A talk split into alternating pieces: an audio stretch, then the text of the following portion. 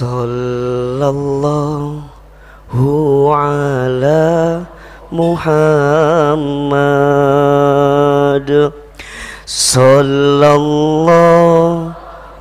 alaihi wasallam.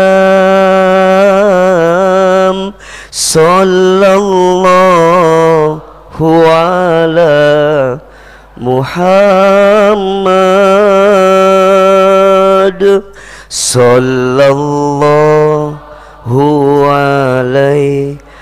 wasallam. Lebih keras suaranya. Sallallahu ala Muhammad. Sallallahu alaihi wasallam Sallallahu ala Muhammad. Sallallahu alaihi wasallam. Satu kali lagi. Sallallahu ala Ya Allah Sallallahu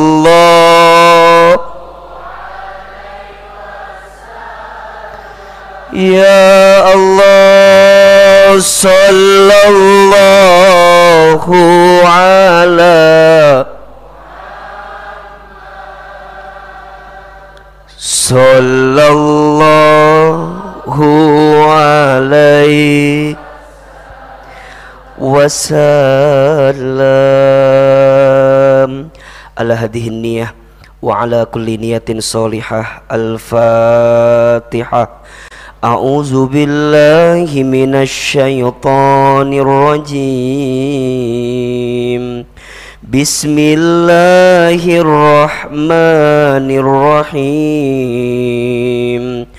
الحمد لله رب العالمين. الرحمن الرحيم. مالك يوم الدين. إياك نعبد وإياك نستعين. اهدنا الصراط المستقيم. صراط الذين أنعمت عليهم غير المغضوب عليهم ولا الضالين.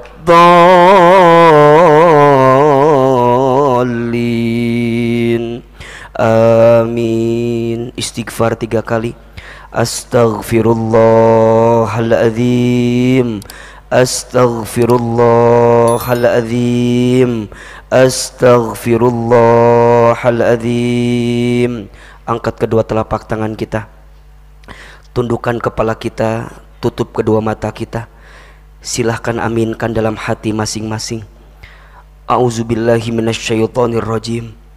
Bismillahirrahmanirrahim Alhamdulillahi rabbil alamin Allahumma salli ala sayyidina Muhammadin wa ala alihi wa sahbihi ajma'in Rabbana zidna ilman warzuqna fahman radina billahi rabbah wa bil islami dina wa bi muhammadin nabiyya wa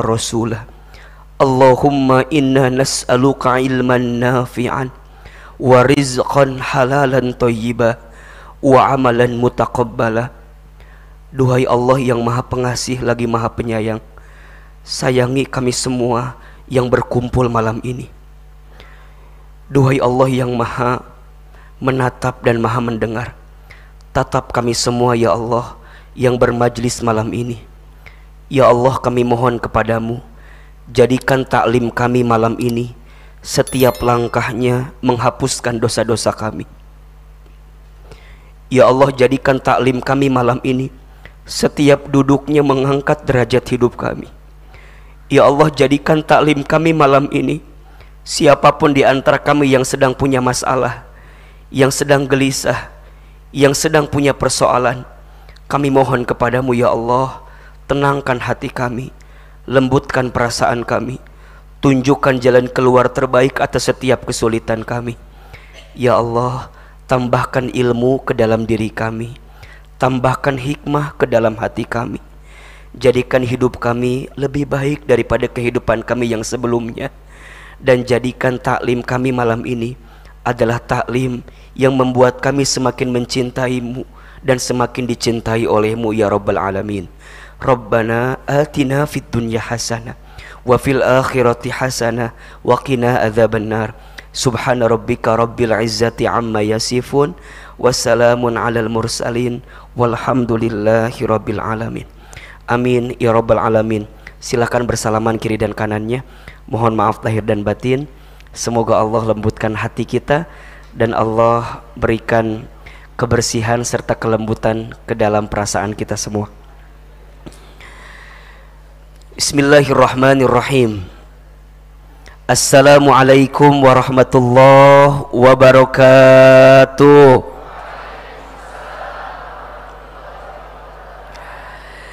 Assalamualaikum warahmatullahi wabarakatuh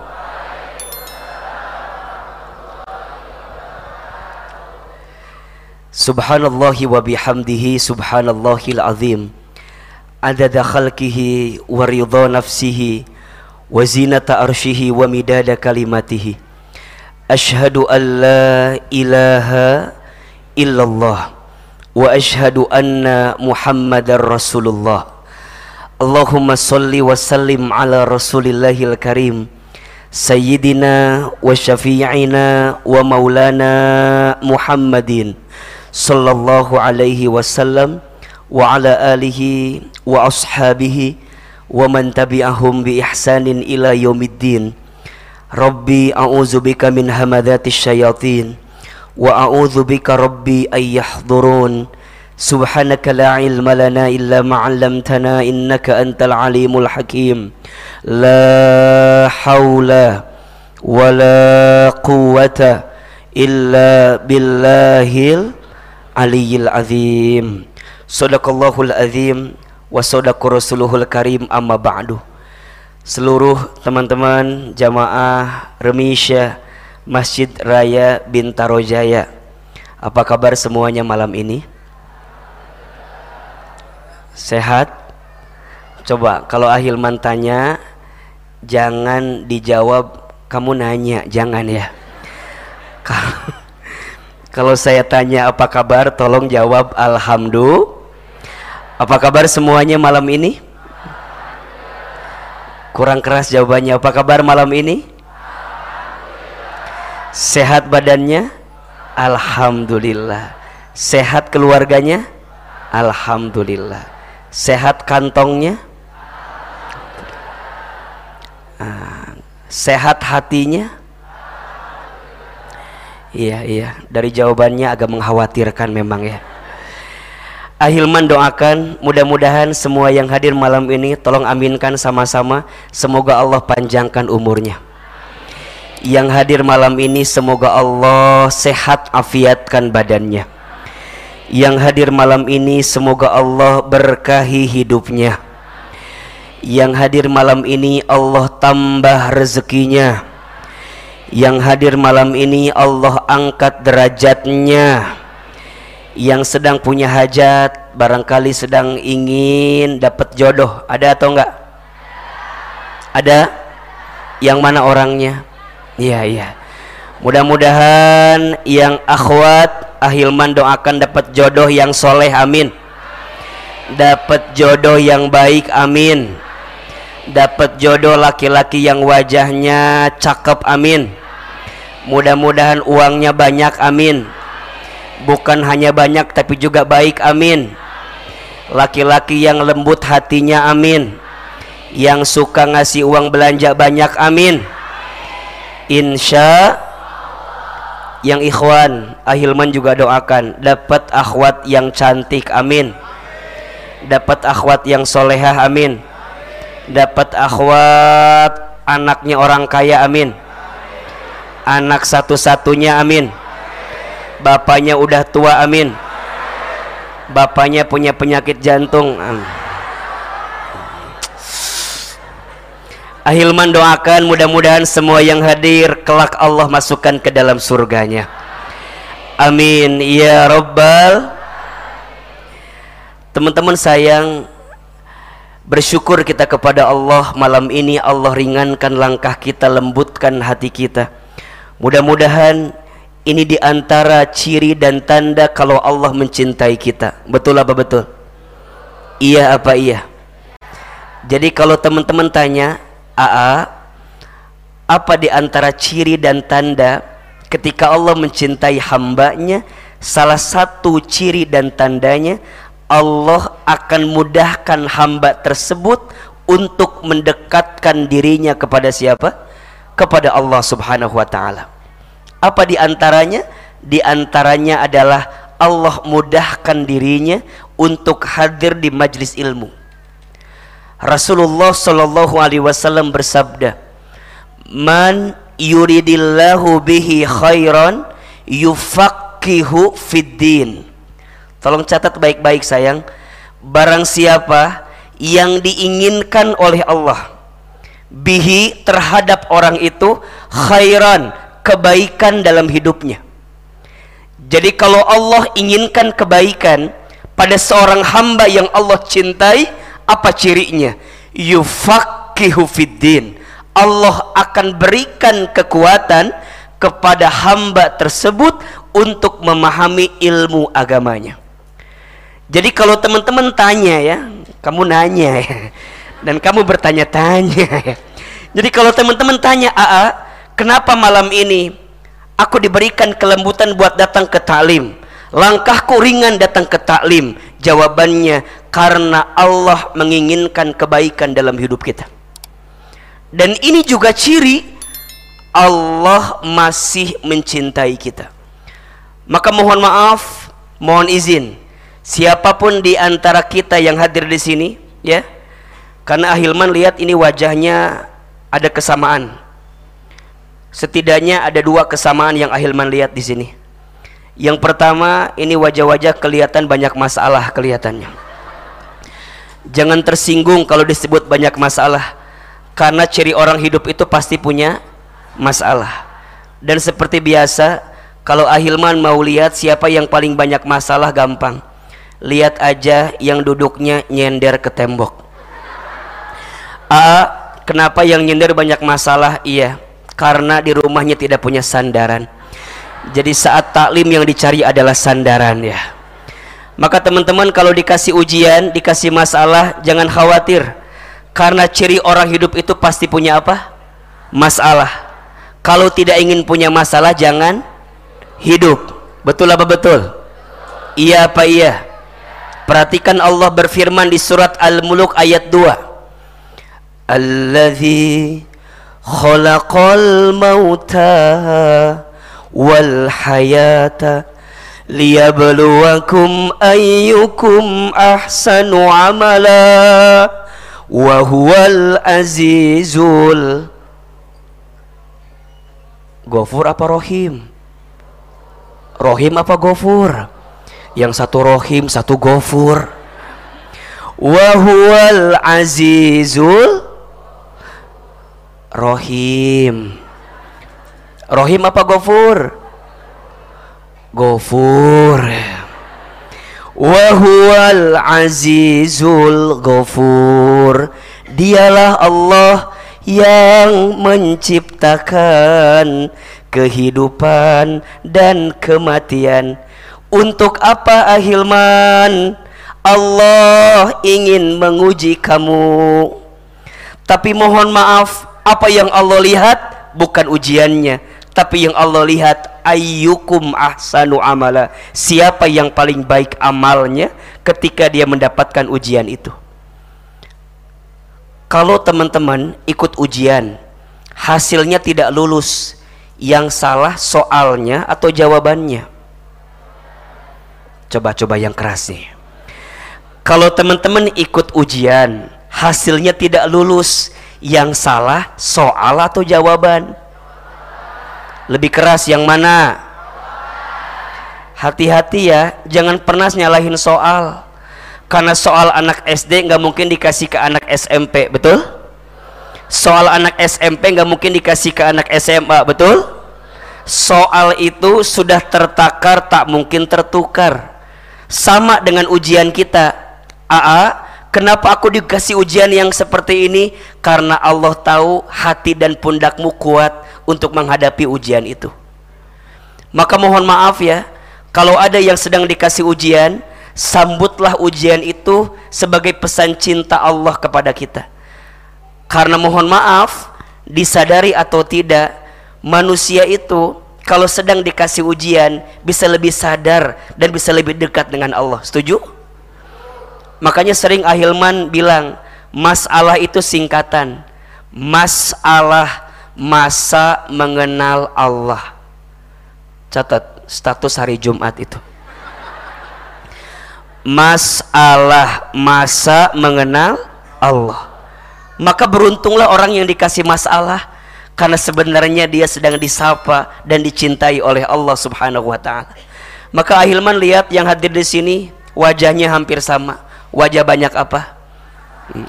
Dan jangan tersinggung Berarti kalau dikasih masalah, kita lagi didekatkan dengan karunia dari Allah Subhanahu wa taala. Dan yang kedua, Ahilman lihat di sini wajahnya hampir sama. Kelihatan wajah banyak dosa kelihatannya. Jangan tersinggung karena manusia mah tempatnya salah, tempatnya dosa. Betul? Coba jawab. Siapa di sini yang paling banyak dosanya? Ikhwan, Anda gak punya dosa? segitu wajahnya gitu dosa bener ini mah. Coba coba coba. Jawab yang keras. Siapa yang paling banyak dosanya? Lebih keras. Siapa yang paling banyak dosanya? Kalau ditanya siapa yang paling banyak dosa kita? Saya. Betul? Ada orang yang dihormati dalam hidup. Ada orang yang dimuliakan dalam hidup. Satu alasannya. Kenapa karena Allah nutupin aib-aib kita saja setuju Teman-teman hari ini diberikan langkah mudah datang ke tempat ini. Padahal mohon maaf, ya Allah, Engkau tahu buruknya masa lalu kami. Engkau tahu hina dinanya kelakuan kami. Engkau tahu seringnya kami berbuat maksiat. Engkau tahu ya Allah kami banyak dosa. Tapi kenapa engkau izinkan kami datang ke tempat ini? Jawabannya, karena Allah menginginkan kebaikan dalam hidup kita. Maka teman-teman siapa pun yang pernah punya masa lalu, Jangan selalu melihat orang di masa lalu karena setiap orang punya harapan dengan masa depan. Status hari Sabtu itu. Jangan selalu melihat orang di masa lalu karena setiap orang punya harapan dengan masa depan. Betul? Manusia ini tempatnya salah, tempatnya dosa. Dan siapakah sebaik-baiknya orang yang pernah punya salah? Kata Nabi, sebaik-baiknya orang yang pernah punya salah adalah orang yang segera bertobat kembali kepada Allah Subhanahu wa taala. Maka teman-teman sayang, jangan pernah putus asa dengan rahmat Allah. Karena rahmat kasih sayang Allah itu lebih luas daripada apa pun. Ustadz, dosa saya banyak.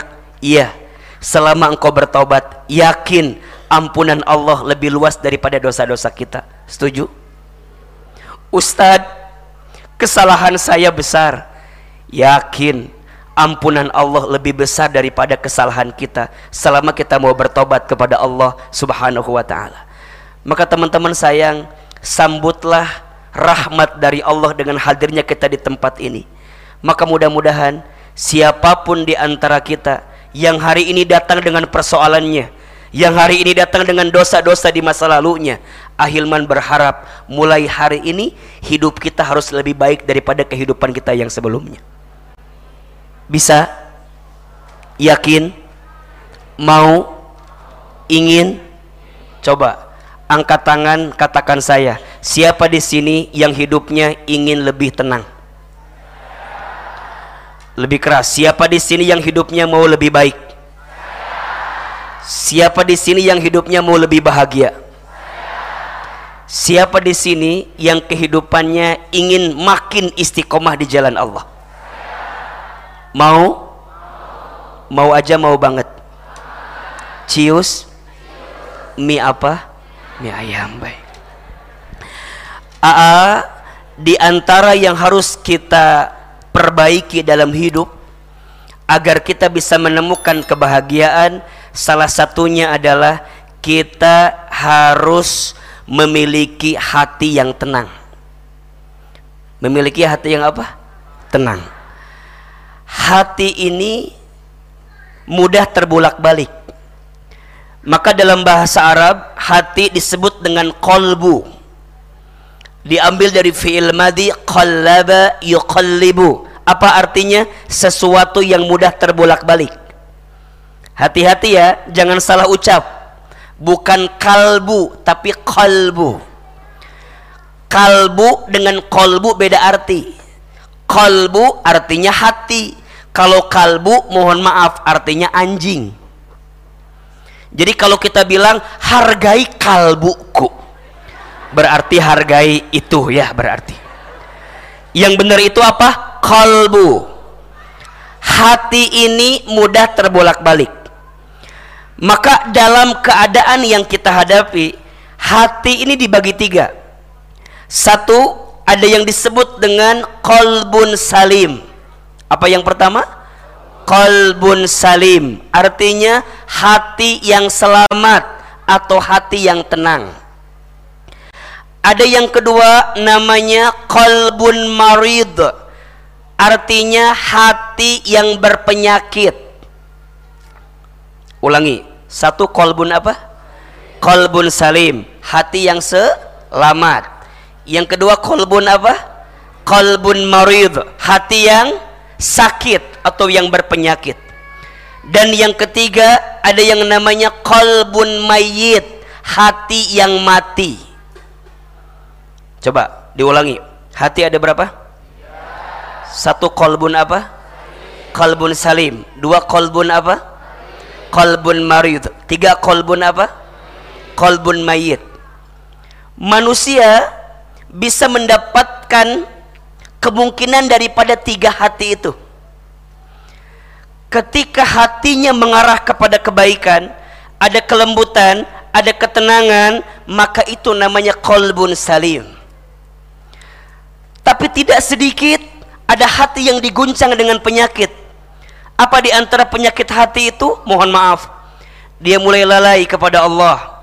Dia mulai mulai mulai malas untuk menunaikan ketaatan kepada Allah. Hatinya ada kebencian kepada manusia.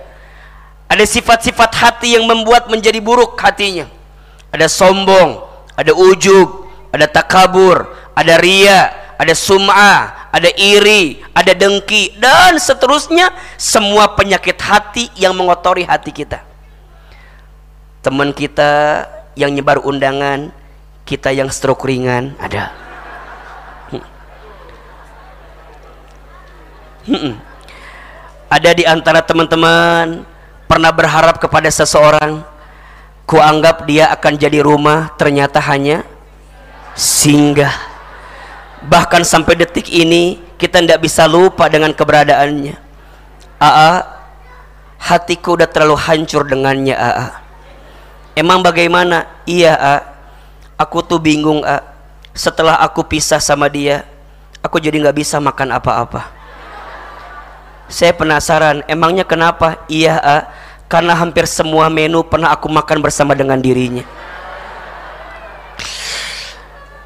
hampir semua tempat pernah aku datangi bersama dengan dirinya. Lihat nasi inget dia. Lihat ayam goreng inget dia. Lihat kobokan inget dia. Berarti ahil mantau dia makan selama ini di mana saja ya. Uh, aku tuh setelah pisah sama dia jadi nggak tahu pulang lewat jalan yang mana. Emangnya kenapa? Iya karena hampir semua jalan pernah aku tempuh bersama dengan dirinya setiap belokan mengingatkanku dengan senyumannya. Setiap pemberhentian mengingatkanku dengan setiap bensin yang keluar dari dompetku. Hati-hati. Boleh jadi ada penyakit hati di antara kita. Capek. Ujungnya apa?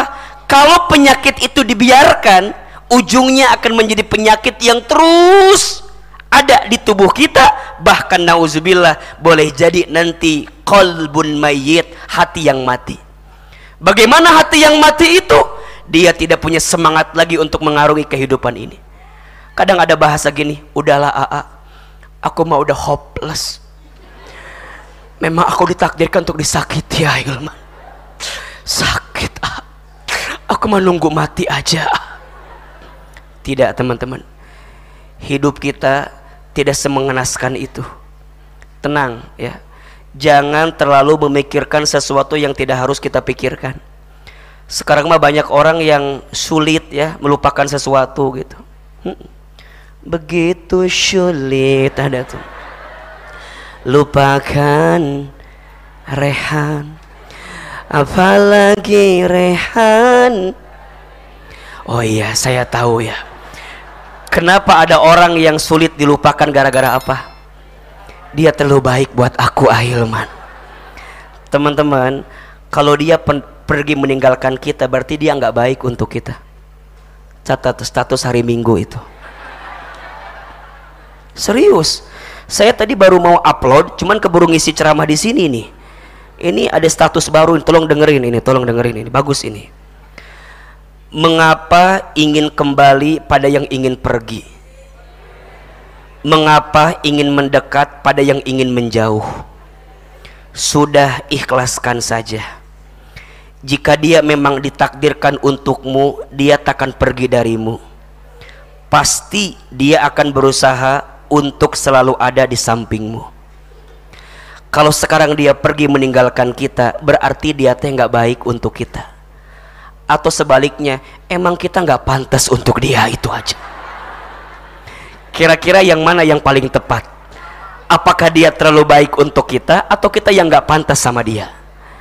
Kalau kata Ahilman mah untuk ngobatin hati bilang aja aku terlalu baik untuk dirinya. Ya buat ngobatin hati ya untuk ngobatin hati.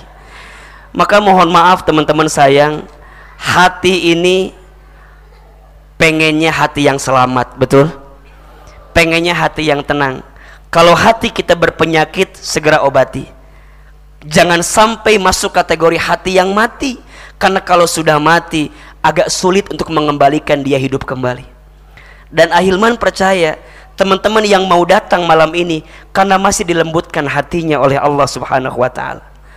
Mungkin ada yang sedang patah hati malam ini. Ada? Ada? Ada atau tidak?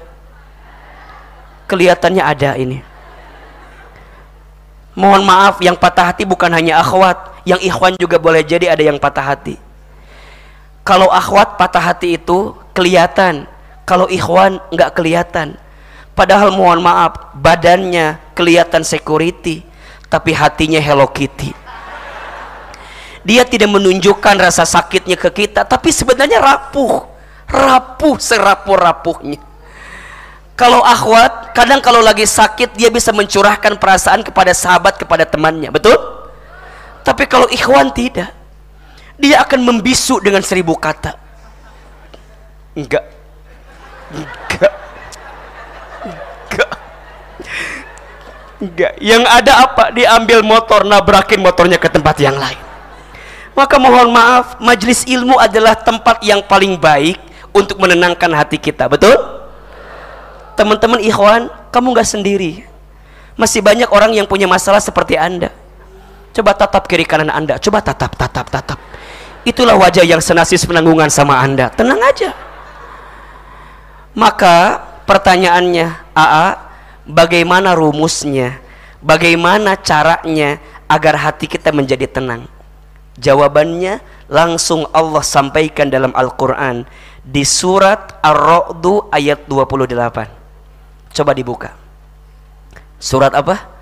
Ar-Ra'du ayat 28 jadi kalau hati kita mau tenang rumusnya dan ini menjadi jawaban yang sangat uh, apa mendasar ya.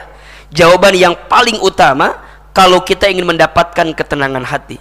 Surat Ar-Ra'du surat ke-13 ayat 28 A'udzubillahi minasyaitonir rajim. Bismillahirrahmanirrahim. Silahkan yang bawa Al-Quran dibuka mushaf Al-Qurannya. Yang handphone ada aplikasi Al-Quran boleh dibuka. Silakan aplikasi Al-Qurannya. Allah Subhanahu wa taala berfirman, "Alladzina amanu wa tatma'innu qulubuhum bizikrillah." Orang-orang yang beriman itu dan hati mereka menjadi tenang dengan mengingat Allah. Ala bizikrillahi tatmainnul qulub. Ingatlah hanya dengan berzikir kepada Allah hanya dengan mengingat Allah hatimu akan menjadi tenang. Berarti kalau sekarang ada yang bertanya AA kenapa hatiku nggak tenang Jawabannya coba dicek. Boleh jadi kita sedang jauh dari Allah Subhanahu wa taala. Kenapa hati kita merasakan kegelisahan? Coba dilihat. Boleh jadi ada jarak hubungan kita dengan Allah yang sedang tidak baik-baik saja. Mungkin ada perintah Allah yang kita lalaikan. Mungkin ada larangan Allah yang masih kita kerjakan atau mungkin hati kita memang jauh dari ketaatan kita kepada Allah Subhanahu wa taala. Ujungnya apa? Kita menemukan kegelisahan di hati kita. Karena lihat, orang beriman itu hatinya tenang. Berarti kalau sekarang ada orang yang mengaku beriman, merasa beriman, tapi hatinya tidak tenang, berarti sedang ada masalah dengan apa? imannya kepada Allah Subhanahu wa taala. Dan sifat iman itu naik turun. Al imanu yazidu wa yanqus. Iman itu kadang-kadang naik, kadang-kadang turun. Tergantung tanggal bulan biasanya. Atau tergantung persoalan. Apa yang membuat iman naik? Apa yang membuat iman turun? Al imanu yazidu bit ta'ah wal imanu yanqusu bil maksiat iman itu naik dengan ketaatan dan iman itu turun dengan kemaksiatan. Berarti kalau sekarang ada masalah dengan hati kita persoalannya mungkin di iman kita. Kenapa iman kita ada persoalan? Boleh jadi ada ketaatan kita yang berkurang atau mungkin maksiat kita yang bertambah. Sehingga itu yang akan mengakibatkan hati kita tidak menemukan ketenangan. Maka teman-teman sayang ketika hatimu disentuh dengan berbagai persoalan yang datang dalam hidupmu di situlah Allah sedang ingatkan dirimu. Hei hambaku mungkin engkau sedang jauh dariku. Hei hambaku mungkin fokusmu selama ini kepada orang yang pergi meninggalkanmu yang engkau bilang menyakitimu. Engkau lupa kepadaku sehingga dengan caraku aku ambil apa yang kamu cintai agar kamu tahu berharap kepada manusia itu patah hati yang disengaja. Dan aku menginginkan engkau untuk balik lagi kepadaku kata Allah. Jangan takut la tahzan la takhaf. Kan begitu? Innallaha ma'ana. Sesungguhnya aku bersama dengan kamu kata Allah. Kita ada Allah kita punya Allah maka perhatikan dibuka ayat yang lain. Surat Ali Imran ayat 139 surat apa? Ali Imran ayat berapa? 139 kalau orang imannya kuat kalau orang imannya bagus maka seberat apa pun persoalan yang sedang dia hadapi tidak akan membuatnya terjatuh atau terpuruk dalam kehidupan. Silakan dibuka surat apa? Ali Imran ayat berapa? 139 Allah berfirman A'udzubillahi minasyaitonir rajim wala tahinu wala tahzanu wa antumul a'launa in kuntum mu'minin Jangan kalian merasa lemah dan jangan kalian bersedih hati kenapa? karena kalian itu adalah orang yang Allah angkat derajatnya in kuntum mu'minin jika kalian adalah orang yang beriman kepada Allah Subhanahu wa taala. Maka teman-teman sayang, seberat apa pun masalah kita, sesulit apa pun persoalan kita, semua akan baik-baik saja kalau kita bersama Allah Subhanahu wa taala. Yang jadi tidak baik itu, kenapa? Karena kita selalu merasa pede dengan kemampuan kita sendiri. Padahal mohon maaf, tidak ada daya upaya, tidak ada kemampuan, tidak ada kekuatan yang kita miliki kecuali semuanya diberikan oleh siapa? La haula wala quwata illa billah tidak ada daya upaya, tidak ada kekuatan, tidak ada kemampuan kecuali yang memberikannya siapa? Allah Subhanahu wa taala. Berarti sekarang yang bisa ngasih ketenangan kepada kita siapa? Jawab yang keras. Siapa yang bisa memberikan ketenangan kepada kita? Siapa yang bisa melembutkan hati kita? Siapa yang bisa menenangkan perasaan kita? Siapa yang bisa mengubah keadaan kita? Siapa yang bisa mengatur apa yang tidak mungkin tapi jadi mungkin untuk kita? Allah. Teman-teman sayang, manusia bisa menyakiti kita.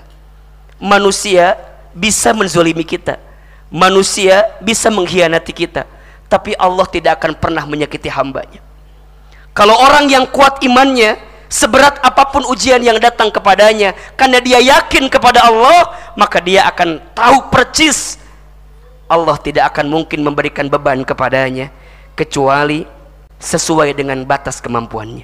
La yukallifullahu nafsan illa wus'aha. Maka ada satu doa yang Nabi sampaikan kepada kita agar mendapatkan ketenangan hati. Mau tahu doanya? Oke, siapin kameranya biar gak diulangi lagi. Buat status di TikTok besok pagi ini ya. doa ini doa agar kita mendapatkan ketenangan hati sekaligus dalam kandungan doanya ada rahasia ketenangan hati. Ahilman baca sekali teman-teman baca sekali. Bismillahirrahmanirrahim. Lebih keras. Bismillahirrahmanirrahim. Allahumma inni as'aluka nafsan bika mutmainnah tu'minu biliqaika wa tarda biqadaika wa taqna'u bi'ataika Oke, kita ulangi ya. Allahumma inni as'aluka. Nafsan bika. Mutmainnah. Tu'minu biliqaika. Wa tarda biqadaika. Wa taqna'u bi'ataika. Perhatikan terjemahannya Allahumma ya Allah. Ini sesungguhnya aku.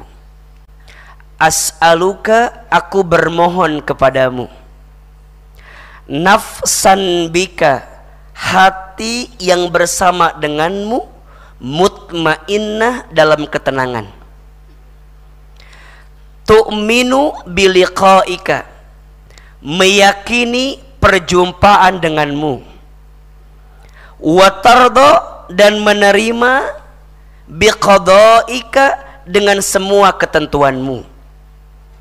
Wataqna'u dan merasa cukup bi'ataika dengan semua pemberian darimu. Perhatikan teman-teman. Dalam doa ini doa agar kita diberikan ketenangan hati. Di awal kalimat doa, Allahumma inni as'aluka nafsan bika mutmainnah. Kalimat itu menunjukkan kita minta kepada Allah agar diberikan apa? Ketenangan.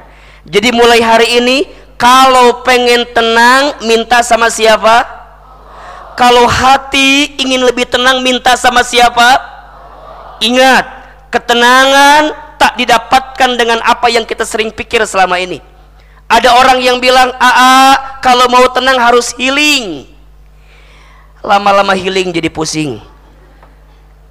Ada orang yang bilang aa kalau mau tenang harta banyak. Mohon maaf. Ada nggak orang yang hartanya banyak gelisah? Ada atau tidak? Kaya gelisah ada tidak? Orang miskin gelisah? Lebih banyak biasanya itu tuh ada orang yang bilang aa aku akan tenang kalau udah punya pasangan. Mohon maaf. Teman-teman sayang kebahagiaan hidup itu tidak diukur dari apa yang datang dan apa yang pergi. Kenapa? Karena yang datang dan pergi akan selalu ada selama kita hidup. Setuju? Teman-teman sayang punten mohon izin. Dulu waktu sekolah pengen cepat-cepat apa? Lulus. Pertanyaan Ahilman setelah lulus masalah selesai setelah lulus masalah selesai tidak apa yang kita pikirkan kerjaan betul udah dapat pekerjaan masalah selesai masalah apa lagi jodoh Oke, okay, ketemu jodohnya, rumah tangga. Setelah rumah tangga, masalah selesai. Kata siapa Anda? Anda kan belum menikah. Kenapa Anda so tahu begitu? Apakah setelah rumah tangga nggak ada masalah? Enggak. Sebelum masalah, sebelum rumah tangga, sama setelah rumah tangga lebih banyak mana masalahnya? Jangan so tahu. Anda belum menikah, Anda tapi menurut pengalaman begitu katanya Hilman betul ketemu jodoh kita berumah tangga belum tentu kita berharap aku teh ah, berharap banget punya suami kayak Ahilman berharapnya begitu tapi tiba-tiba yang terjadi tidak teman-teman jangan lihat orang dari casing teman-teman bilang enak kali punya suami kayak Ustadz Hilman jangan jangan karena saya nggak mau sama teman-teman itu jadi nggak semudah itu jawaban kita ya. Jangan bilang begitu ah enak. Teman-teman, jangan mengukur kebahagiaan kita dengan kebahagiaan orang lain, betul? Kenapa sayang? Karena setiap orang punya zona kebahagiaannya masing-masing. Setuju? Apa yang kita lihat bahagia di orang belum tentu jadi bahagia di kita. Maka jangan pernah minta sesuatu agar sama dengan orang. Jangan. Teman-teman bayangkan kalau punya suami kayak begini aduh ah, udahlah janganlah pokoknya lah berat lah pokoknya ya udah minta sama Allah ya Allah hadirkan untukku pasangan yang ketika bersamanya membuat aku makin dekat denganmu ya Allah udah itu aja sekarang mah yang ganteng tidak menjamin kebahagiaan apalagi yang jelek Betul apa betul? Iya apa iya? Mm -mm. Terus gimana? Ya udahlah, buat apa ganteng kalau menyakitkan hati, betul? Tapi juga jangan jelek-jelek banget. Nanti malu dibawa kondangan ya. Dan tenang mah bukan di mata, tenang mah di hati, betul nggak?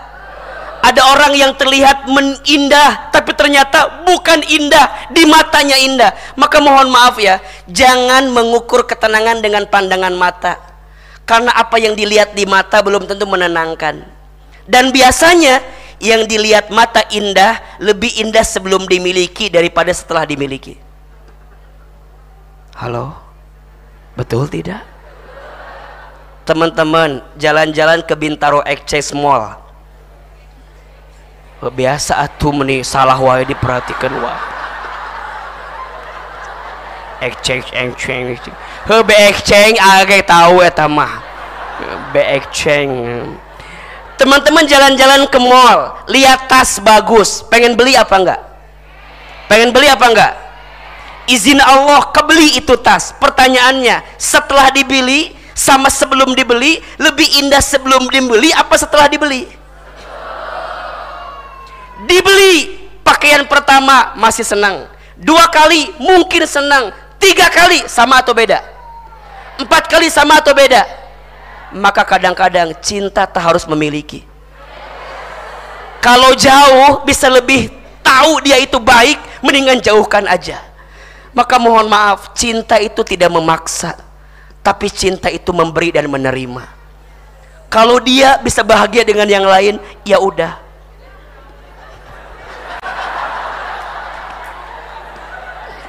Kata si Ahilman oke cinta mah bukan memaksa berarti kalau ada paksaan dalam cinta itu bukan cinta namanya.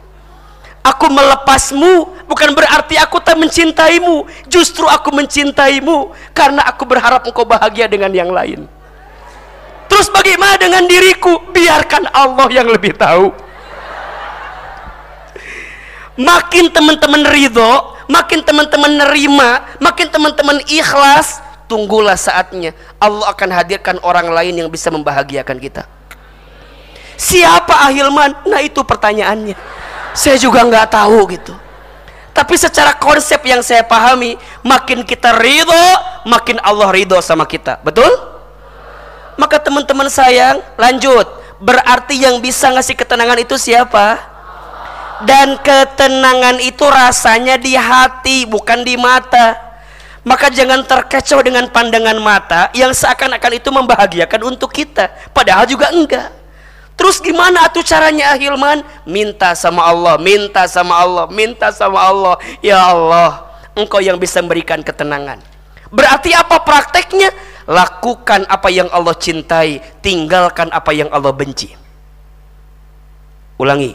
Lakukan apa yang Allah cintai tinggalkan apa yang Allah benci. Teman-teman datang malam ini ngaji. Kenapa kita mau ngaji? Jawabannya karena Allah suka sama orang yang ngaji.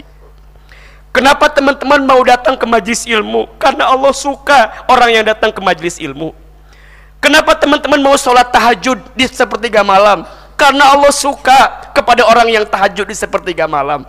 Kenapa teman-teman baca Quran? Karena Allah suka kepada orang yang baca Quran teman-teman fokus dengan apa yang Allah cintai maka Allah akan mencintai apa yang teman-teman lakukan ini rumus perbaiki hubunganmu dengan Allah maka Allah akan perbaiki hubunganmu dengan urusan duniamu. Perbaiki sholat jaga sholat perbaiki baca Quran jaga baca Quran perbanyak sedekah tambahin sedekah. Terus makin kita sibuk dengan apa yang Allah cintai maka pada saatnya Allah akan lembutkan hati kita tenangkan perasaan kita. Sampai nanti rumusnya ada tiga rumus agar kita mendapatkan ketenangan hati. Apa itu? Tu'minu biliqaika meyakini perjumpaan dengan Allah. Teman-teman sayang hidup di dunia ini nggak lama sebentar atau sementara. Semua yang di dunia ini semen betul? Sehat sementara sakit pun sementara kaya sementara miskin sementara. Coba jawab sementara. Sehat sementara sakit pun sementara kaya sementara miskin sementara senang sementara sedih pun sementara cantik sementara ganteng sementara itu. Suami kita belum ada gitu jawabannya. Belum ada gitu. Semua sementara terus untuk apa kita gelisah dengan yang sementara ini betul? Orang yang akan tenang dia tahu tujuannya. Kalau ada lika-liku yang datang di dunia sementara, maka mohon maaf teman-teman yang lagi di atas jangan sombong, yang lagi di bawah jangan putus asa. Senanglah sekedarnya, sedihlah sewajarnya. Kenapa? Karena hidup ini hanya semen yang lagi jatuh cinta, jangan cinta berlebihan, sakit Jangan jatuh cinta. Jatuh itu sakit, mending bangun cinta. Bangun itu ke atas. kalau jatuh makin jatuh makin sakit makin terpuruk makin gak karu-karuan jangan salahkan orang yang pergi meninggalkanmu. Salahkan hatimu yang terlalu berharap kepada orang yang pergi meninggalkanmu. Catat status hari Kamis malam Jumat cocok itu tuh. Makanya kalau kata Ahilman suka bilang gini Aa aku disakiti sama si A aku disakiti sama si B. Shh, salah. Tidak ada yang menyakitimu. Kamu hanya tersakiti oleh harapanmu sendiri status hari Jumat pagi cocok itu tuh ya. Yakin tu'minu biliqaika kita yakin perjumpaan dengan Allah. Ya Allah kalau dengan cara ini adalah caraku untuk bisa berjumpa denganmu. Untuk bisa menemukan nikmat zauk bersama dengan dirimu. Bisa nangis di sepertiga malam. Bisa datang ke majlis ilmu. Bisa duduk di majlis ilmu. Ya Allah mungkin caramu aku harus putus dulu harus ditinggal dulu, harus disakiti dulu, harus dihianati dulu. Ya Allah, nikmat.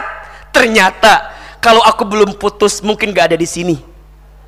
Kita masih tenggelam dengan orang yang pergi meninggalkan kita. Lebih baik sakit sekarang daripada nanti. Allah buka, ternyata dia bukan orang yang terbaik untuk diriku. Terus siapa? Mungkin di balik tirai ini ada jawaban-jawaban dari setiap persoalan kita silakan pilih mau tirai nomor satu atau tirai nomor dua atau tirai nomor tiga. Tenang semua baik-baik aja. Yang penting hidup kita tahu tujuannya. Berjumpa dengan siapa? Allah. Teman-teman sayang hidup di dunia ini nggak lama. Kita tahu kan manusia itu hidupnya akan mengalami 12 etapa kehidupan. Ada berapa? 12 yang pertama alam ruh yang kedua alam rahim. Yang ketiga alam dunia. Yang keempat alam kubur. Yang kelima alam kiamat. Yang keenam alam dibangkitkan. Yang ketujuh alam dikumpulkan. Yang kedelapan alam ditimbangkan. Yang kesembilan alam diperhitungkan. Yang kesepuluh alam diberikan pertolongan syafaat. Sebelas alam diperjalankan di sebuah jembatan namanya syirat dua belas baru ditentukan surga dan nerakanya. Namanya alam akhirat Berapa tahapan? Ada yang bisa mengulangi? Yang bisa Ahilman kasih hadiah umroh gratis. Brosurnya aja. Itu juga penting, jangankan jangan sembarangan dengan brosur. Karena ada orang yang berangkat umroh gara-gara brosur. Ada tidak? Coba ulangi. Yang pertama alam apa? Alam roh. Sudah kita lewati? Yang kedua alam apa? Alam rahim. Sudah kita lewati? Yang ketiga alam apa? Alam dunia. Sedang kita lewati betul? Dunia nggak lama. Besok lusa kita akan ketemu dengan jadwal yang pasti namanya mati. Semua pasti akan mati. Setelah mati manusia masuk ke alam yang keempat. Namanya alam apa? Alam kubur. Akan kita datangi. Alam kiamat akan kita jumpai. Setelah itu dibangkitkan yaumul ba'ats. Setelah itu dikumpulkan yaumul mahsyar setelah itu ditimbang yaumul mizan. Setelah itu dihitung yaumul hisab. Setelah itu diberikan pertolongan yaumus safa'ah. Setelah itu diperjalankan yaumus syirat baru kemudian Allah tentukan surga dan nerakanya. Ternyata selama ini kita yang sibuk dengan dunia salah. Kenapa? karena bukan ini tujuan kita. Jadi kalau ada yang datang, ada yang pergi, ada yang nyakitin, ada yang hianatin, ah biasa aja karena ini bagian lika-liku kehidupan skenario dari Allah agar kita bisa berjumpa dengan Allah Subhanahu wa taala. Maka rumus yang kedua apa? Watardo biqadaika. Kalau hati mau tenang, belajar ridho, belajar menerima ketentuan Allah. Insyaallah. Satu, yakin perjumpaan dengan Allah. Dua, menerima ketentuan dari Allah. Coba Ahilman mau tanya, kita punya kehendak atau tidak? Kita punya kehendak tidak? Punya. Allah punya kehendak tidak? Kehendak siapa yang paling baik? Kita punya keinginan? Allah punya keinginan? Keinginan siapa yang paling baik? Kita punya mau? Allah punya mau? Kemauan siapa yang paling baik? Kenapa teman-teman selalu ngotot harus sesuai dengan apa yang kita mau? Karena sebenarnya mohon izin ya, Kadang Allah itu tidak memberi apa yang kita inginkan, tapi Allah memberi apa yang kita butuhkan. Status hari Sabtu pagi itu. Maka teman-teman jangan ngerasa aa kenapa aku udah minta begini tapi yang datang begitu? Boleh jadi Allah lebih tahu mana yang terbaik untuk kita. Ingat ya teman-teman sayang kalau kita minta sesuatu dan ternyata hasilnya nggak sesuai dengan maunya kita. Boleh jadi itu adalah cara Allah menyelamatkan kita dari sesuatu yang nggak baik untuk kita. Kadang kegagalanmu pada satu hal itu adalah cara Allah untuk menyelamatkanmu pada sesuatu yang tidak baik untuk hidupmu. Allah maha tahu Allah lebih tahu kita tidak tahu maka jangan sok. Ulangi Allah maha Allah lebih kita tidak jangan sok. Kita ngerasa enggak harusnya begini. Kata siapa? Allah lebih tahu mana yang terbaik untuk kita. Tugasmu itu bukan mendikte. Tugasmu itu bukan memaksa Allah. Tugasmu itu hanya minta sama Allah mana yang terbaik. Betul apa betul?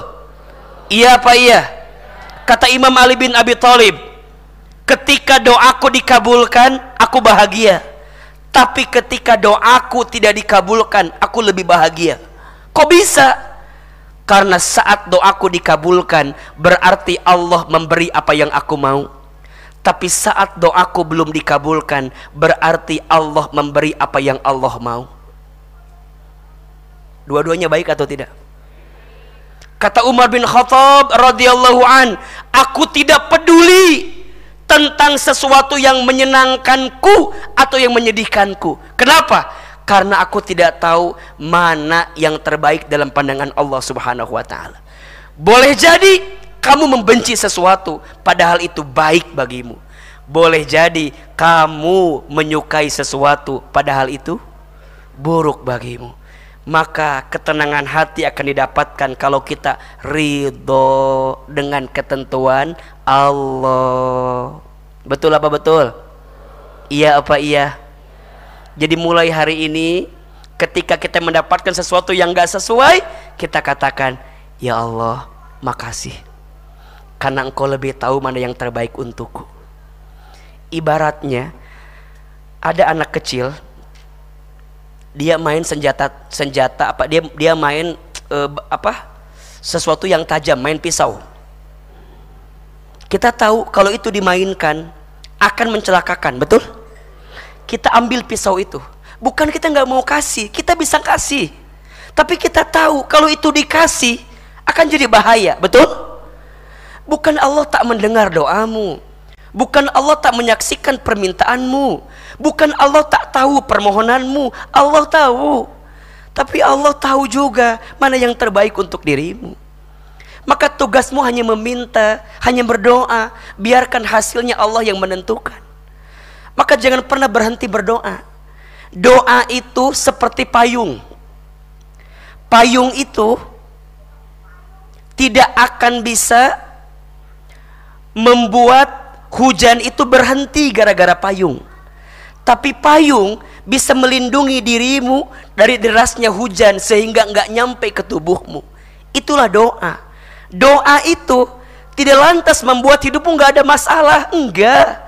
Tapi dengan doa minimal hatimu akan tenang ketika dilanda dengan masalah. Maka teman-teman sayang siapa pun yang hari ini ngerasa bahwa ah aku tuh berat banget hidupnya aku tuh ngerasa hopeless banget dengan harapan yang aku minta jangan khawatir ada doa kekuatannya jika doamu belum dikabulkan di waktu yang cepat maka pasti Allah akan kabulkan di waktu yang tepat. Status hari apa itu? Hari Minggu. Jika doamu belum dikabulkan di waktu yang cepat, maka pasti Allah akan berikan di waktu yang tepat. Maka rumus yang kedua, agar hati tenang, ridho, menerima ketentuan Allah. Dan yang ketiga, wataqna'u bi'ata'ika dan merasa cukup dengan pemberian Allah. Teman-teman sayang, apakah ada yang kurang yang Allah berikan kepada kita? Tolong jawab. Ada apakah ada yang kurang yang Allah berikan kepada kita? Demi Allah, tidak ada yang kurang. Allahul Kafi, Rabbunal Kafi. Allah itu maha mencukupkan aku. Dan Allah adalah Tuhan yang paling mencukupkan aku. Tidak ada yang kurang yang Allah berikan. Yang kurang siapa AA? Yang kurang kita saja. Dikasih nikmat kurang syukur. Dikasih ujian kurang sabar. Ketika beramal kurang ikhlas. Ketika ada takdir kurang ridho. Kalau dikumpulin kurang ajar ulangi dikasih nikmat kurang apa? Kurang syukur. Dikasih ujian kurang apa? Kurang sabar. Ketika beramal kurang apa?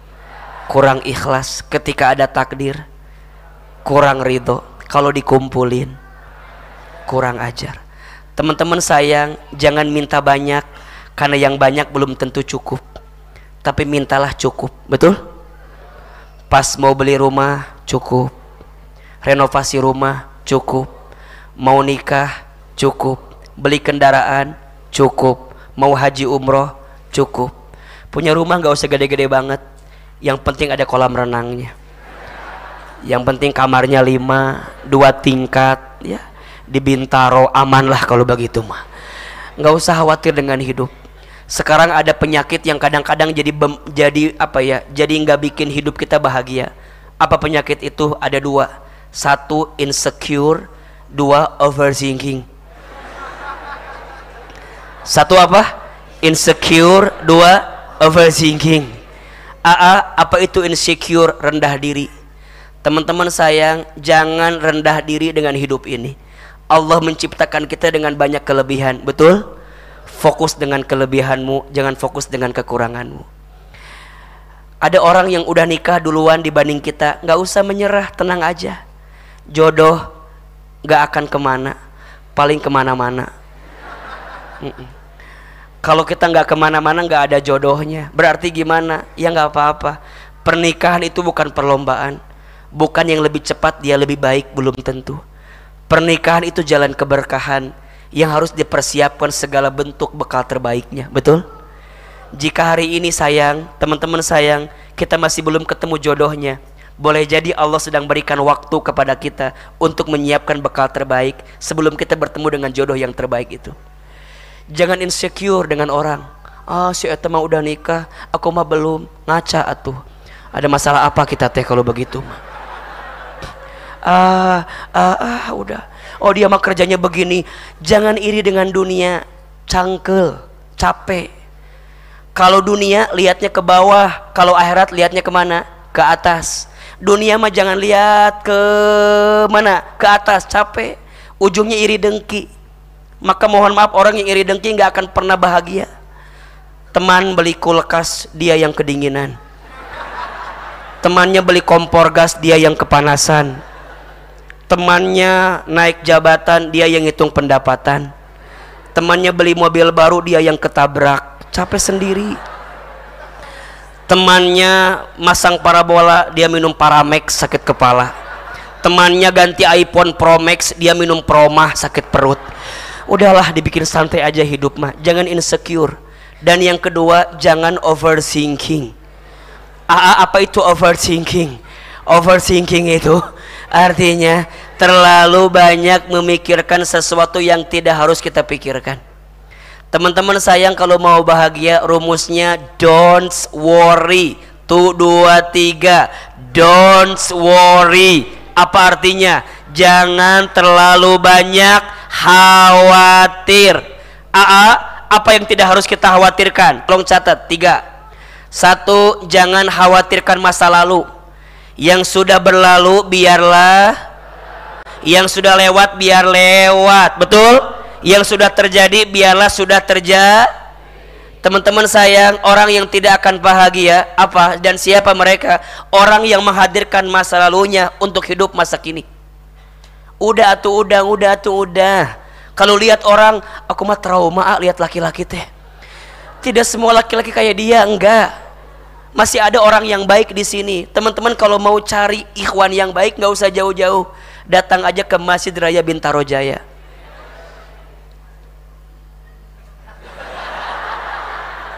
Tolong dong yakinkan saya kok kayak nggak yakin kalian tuh. Ini dengan berat hati saya ngomong tadi tuh ya. Ini hamba khawatir dipotong videonya.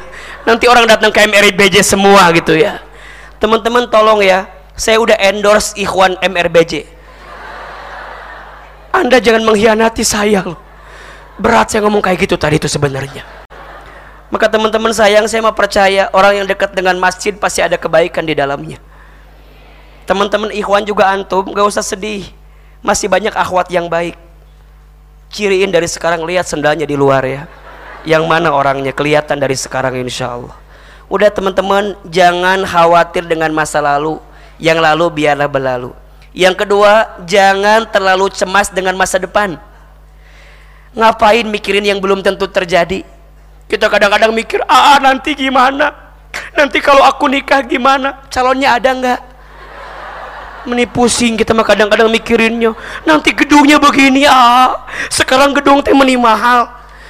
Teman-teman kalau mau nikah gedungnya nggak terlalu mahal tapi berkah pilih aja nikahnya di MRBJ ini di bawah ada gedung serbagunanya betul? Akadnya di atas di masjid resepsinya di bawah. Selain kita resepsi ada infak buat masjid.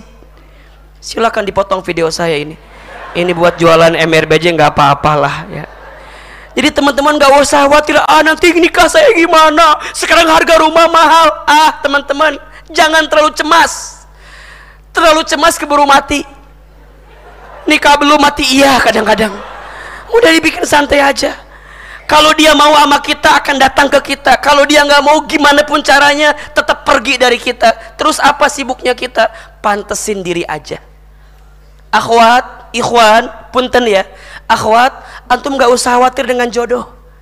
Akhwat itu posisinya menunggu dan menanti.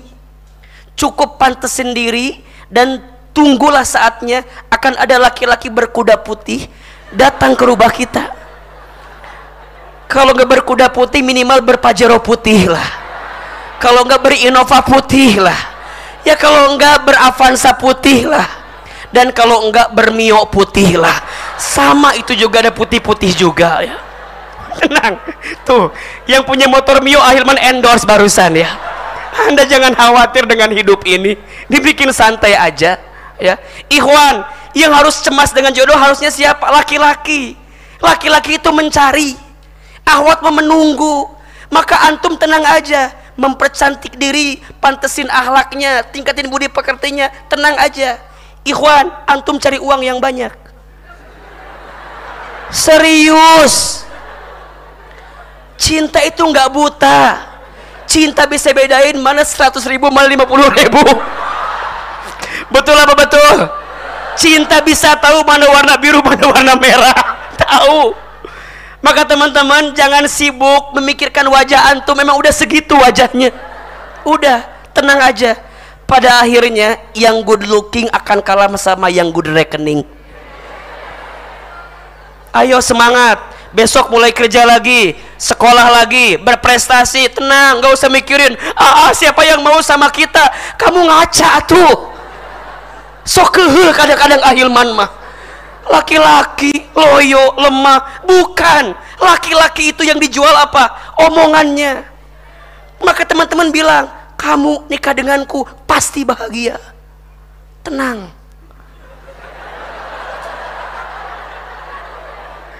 Kamu jangan ini mah pas bicara ah, kamu jangan nikah sama aku. Aku mah apa tuh. Kerjaan aku begini. Aku mal kalau anda dapat laki-laki gitu tinggalin. Gak jelas. Laki-laki itu fighter laki-laki itu braver. Kalian harus berjuang bertarung harus sungguh-sungguh berani. Kamu mah DM berani ke rumah ayahnya nggak berani. Datang ke rumah orang tuanya ketuk pintu. Assalamualaikum. Assalamualaikum. Dibuka. Waalaikumsalam. Bilang Pak salam. Yang tegak kalau bicara saya Hilman Ada apa? Pak, saya sudah hampir satu bulan melihat gadis anak perempuan Bapak. Dan saya melihat dari sorot matanya ada masa depan saya, Pak. ditanya sama orang tuanya oh jadi kamu mau melamar anak saya iya pak kamu punya apa kita jawab aku punya Allah pak gitu kalau dia nanya lagi kita jawab lagi. Kamu nanya. Pulang. Kamu nanya. Kamu bertanya-tanya. Nah, makasih pak. Assalamualaikum pak. Saya pulang ini. Ayo teman-teman ikhwan antum jangan lemah ya. Laki-laki itu harus berani ya. Teman-teman akhwat antum juga jangan lihat laki-laki dalam keadaan sekarang. Lihat laki-laki potensi rezekinya. Bukan hanya rezeki sekarang. Lihat potensinya apa itu potensi rezeki? Apa yang bisa kita lihat kebaikan dalam dirinya? Cari laki-laki yang mau berjuang mau kerja keras mau banting tulang tulang banting kaki di kepala kepala di kaki ke sana kemari mencari alamat palsu lagi ya. Cari teman-teman tenang jangan overthinking jangan cemas dengan masa depan. Kadang ada orang yang kelihatan madesu tapi nanti jadi sukses bukan suram tenang aja Ahilman dulu nggak pernah yakin akan begini tapi dengan caranya Allah Masya Allah istri saya cuma satu kalimatnya kenapa kamu mau sama Hilman apa jawaban istri saya karena aku lihat di dalam diri Hilman ada kebaikan dari seorang laki-laki. Siapa yang mau sama saya dulu mah ah, anak yatim, piatu, orang kampung, orang desa, nggak punya apa-apa. Semua orang yang pernah menolak saya, hari ini mereka menyesal luar biasa. Dan saya percaya cara membalas dendam terbaik bukan membalasnya, tapi membuktikan padanya bahwa dia menyesal pernah menelantarkan kita. Teman-teman ikhwan, antum pernah ditolak, nggak apa-apa, memang sewajarnya.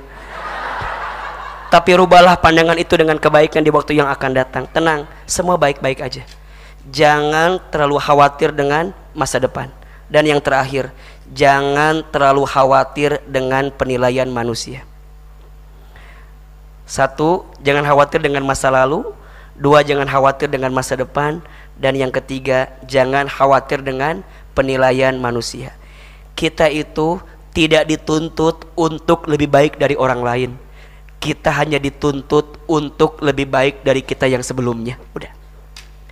Teman-teman sayang kita nggak akan bisa menyenangkan semua orang. Pasti akan ada aja orang yang nggak suka sama kita. Betul udah berbuat baik aja masih ada yang nggak suka sama kita. Terus gimana tuh Ustadz? Belajarlah dari matahari yang setiap pagi selalu menampilkan yang terindah walaupun banyak orang yang melewatkannya. Status hari Senin. Sibuk aja dengan kebaikan-kebaikan. Dan kita yakin setiap kebaikan pasti balasannya adalah kebaikan. Kalau hati mau tenang tiga rumusnya.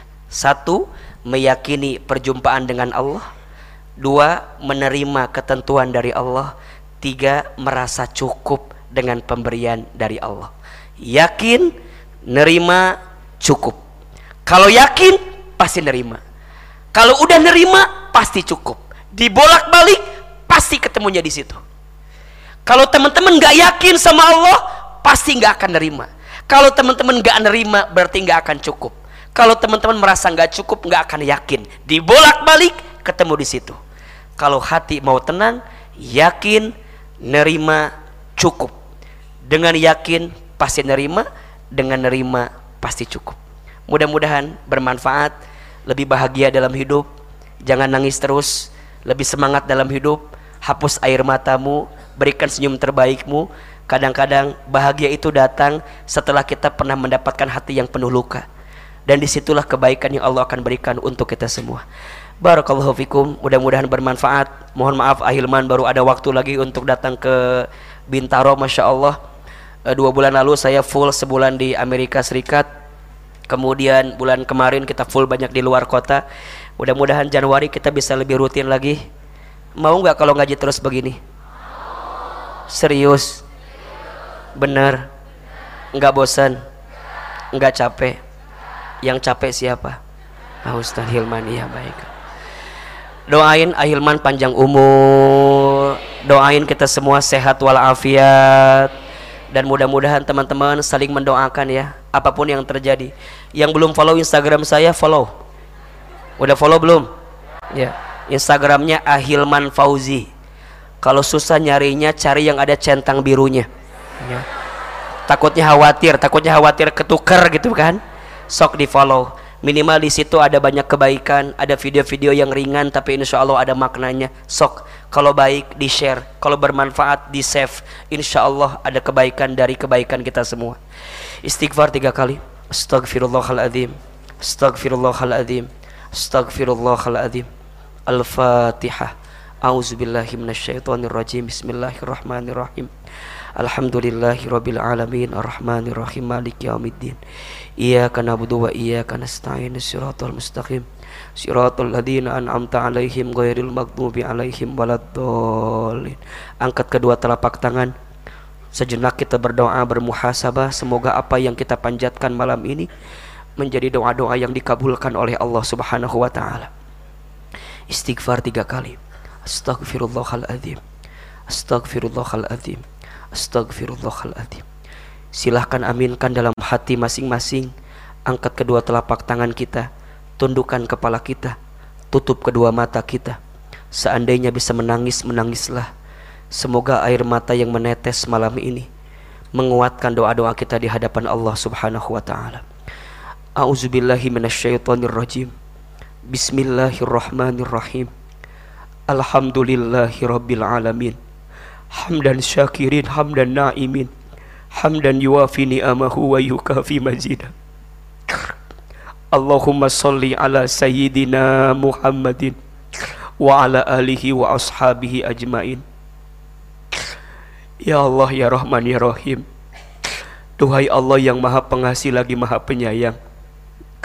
Ya Allah Terima kasih engkau masih sayangi kami. Terima kasih engkau masih cintai kami.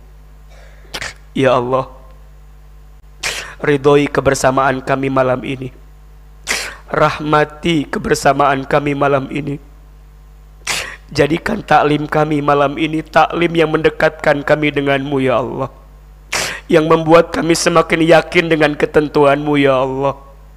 Yang membuat kami semakin mencintaimu ya Allah yang membuat kami semakin ingin taat kepadamu ya Allah ya Allah ya Gofar Duhai Allah yang maha pengampun. Ya Allah Ampuni dosa-dosa kami. Ampuni hina dinanya kelakuan kami. Ampuni buruknya masa lalu kami. Ampuni seringnya maksiat kami. Ampuni kehilafan kami. Ampuni kesalahan kami ya Allah. Ya Allah. Kami sadar jika hari ini ada ujian yang menimpa kami. Itu semua disebabkan karena dosa-dosa kami. Kami akui ya Allah. Jika hari ini ada musibah ada kesulitan yang datang dalam hidup kami itu disebabkan karena dosa-dosa kami ya Allah Ighfir lana dunubana ya Allah Berikan kesempatan kami bertaubat sebelum kami wafat Perbaiki hidup kami sebelum kami kembali kepadamu ya Allah Allah Maafkan kami jika pernah menyakiti hati orang tua kami. Maafkan kami jika pernah menyinggung perasaan orang tua kami. Maafkan kami ya Allah jika pernah durhaka kepada orang tua kami. Teman-teman sayang, boleh jadi dosa kita kepada orang tua kita lah yang menghambat banyaknya kebaikan datang dalam hidup kita. Kita doakan orang tua kita. Yang pertama ibu kita. Hadirkan wajah ibu kita. Dekatkan wajah ibu kita. Bayangkan wajah ibu kita. Lihat ibu kita. Ya Allah. Maafkan kami pernah menyakiti hati ibu kami. Maafkan kami pernah membentak ibu kami. Maafkan kami yang belum bisa membahagiakan ibu kami. Maafkan kami yang sering melawan ibu kami. Maafkan kami yang sering tidak mendengar perkataan ibu kami. Allah, Allah, Allah, kami sadar mungkin dosa kami kepada ibu yang membuat hidup kami susah, yang membuat hajat kami belum terkabul. Ya Allah, maafkan kesalahan kami kepada ibunda kami, ya Allah. Ayah, Bapak, hadirkan wajah ayah kita. Bayangkan wajah ayah kita, dekatkan wajah ayah kita. Lihat, itulah laki-laki yang hebat. Peras keringat untuk kita, lelah, capek. Tapi apa yang pernah kita berikan kepada ayah kita?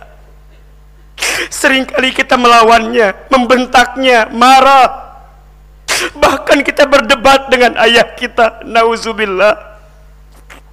Ya Allah. Maafkan kesalahan kami kepada ayahanda kami ya Allah. Ya Rabbana. Jika ayah ibu kami masih hidup, panjangkan umurnya ya Allah. Berikan kesempatan kepada kami untuk membahagiakannya ya Allah.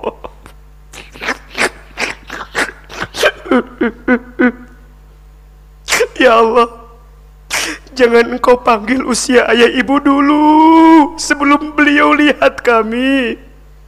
Sebelum kami mengangkat derajatnya, memuliakan hidupnya.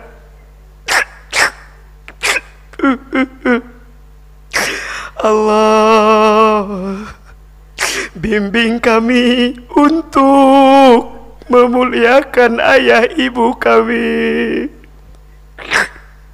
Allah mampukan kami memberangkatkan haji umroh ayah ibu kami. Allah izinkan kami menghadirkan kebahagiaan untuk ayah ibu kami. Ya Allah, jika ayah ibu kami ada yang sudah wafat, lapangkan alam kuburnya.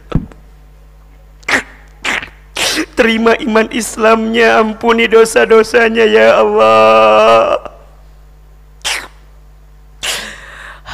Teman-teman sayang, sekarang silakan berdoa masing-masing. Yang sedang punya hajat, punya masalah, punya harapan, ayo minta sama Allah. Setelah kita bertobat minta ampun atas dosa-dosa kita ayo minta ampun sama Allah. Ayo yang sedang punya masalah sampaikan ya Rob ya Rob ya Allah. Tatap kami ya Allah. Lihat kami ya dengarkan kami ya Allah ya Allah jika malam ini ada yang sedang gelisah tenangkan hatinya ya Allah jika ada yang sedang punya masalah, angkat masalahnya ya Allah. Jika ada yang sedang punya aib, tutupi aib-aibnya ya Allah. Jika ada yang sedang sakit hati, kuatkan hatinya ya Allah. Allah, jangan tinggalkan kami. Temani kami, bersamai kami ya Allah. Allah. Siapa pun yang sedang punya hajat, segerakan kabulkan hajatnya ya Allah.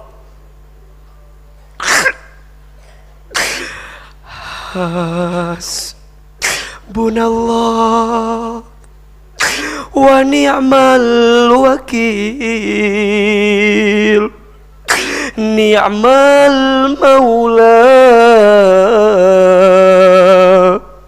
wa ni'man nasir. Hasbunallah. Wa ni'mal wakil ni'mal maula wa ni'man nasir. Ya Allah engkau sebaik-baiknya penolong kami ya Allah. Engkau sebaik-baiknya pelindung kami. Tolong kami ya Allah. Jaga kami ya Allah. Lindungi kami ya Allah. Allah istiqomahkan kami dalam ketaatan ini ya Allah. Istiqomahkan kami dalam kebaikan ini. Ya Allah Kami semua keluarga besar Remisha ya Allah. Masukkan kami nanti ke dalam surgamu ya Allah. Kumpulkan kami lagi ke dalam surgamu ya Rabb. Rabbana zalamna anfusana wa illam taghfir lana wa tarhamna lanakunanna minal khasirin. Rabbana atina fid dunya hasanah wa fil akhirati hasanah wa qina adzaban nar Subhana rabbika rabbil izzati amma yasifun Wassalamun alal mursalin Walhamdulillahi rabbil alamin ya Rabb Kabulkan doa-doa kami ya Allah. Ijabah permintaan kami ya Rabbal Alamin. Amin ya Rabbal Alamin. Silakan bersalaman kiri dan kanannya. Berpelukan mohon maaf lahir dan batin. Semoga Allah kabulkan doa-doa kita. Allah hapuskan dosa-dosa kita. Dan Allah berikan yang terbaik untuk kehidupan kita semua. Amin, amin, amin. Ya Rabbal Alamin. Teman-teman sayang, mohon maaf lahir batin. Ahilman banyak salah semua yang benar pasti dari Allah semua yang salah pasti dari Ahilman yang banyak kesalahannya wabillahi taufik wal hidayah hati-hati di jalan hati-hati di jalan. Sekali lagi mudah-mudahan bermanfaat. Salam untuk keluarga untuk orang tua ya. Semoga Allah jaga kita dalam kebaikan. Assalamualaikum warahmatullahi wabarakatuh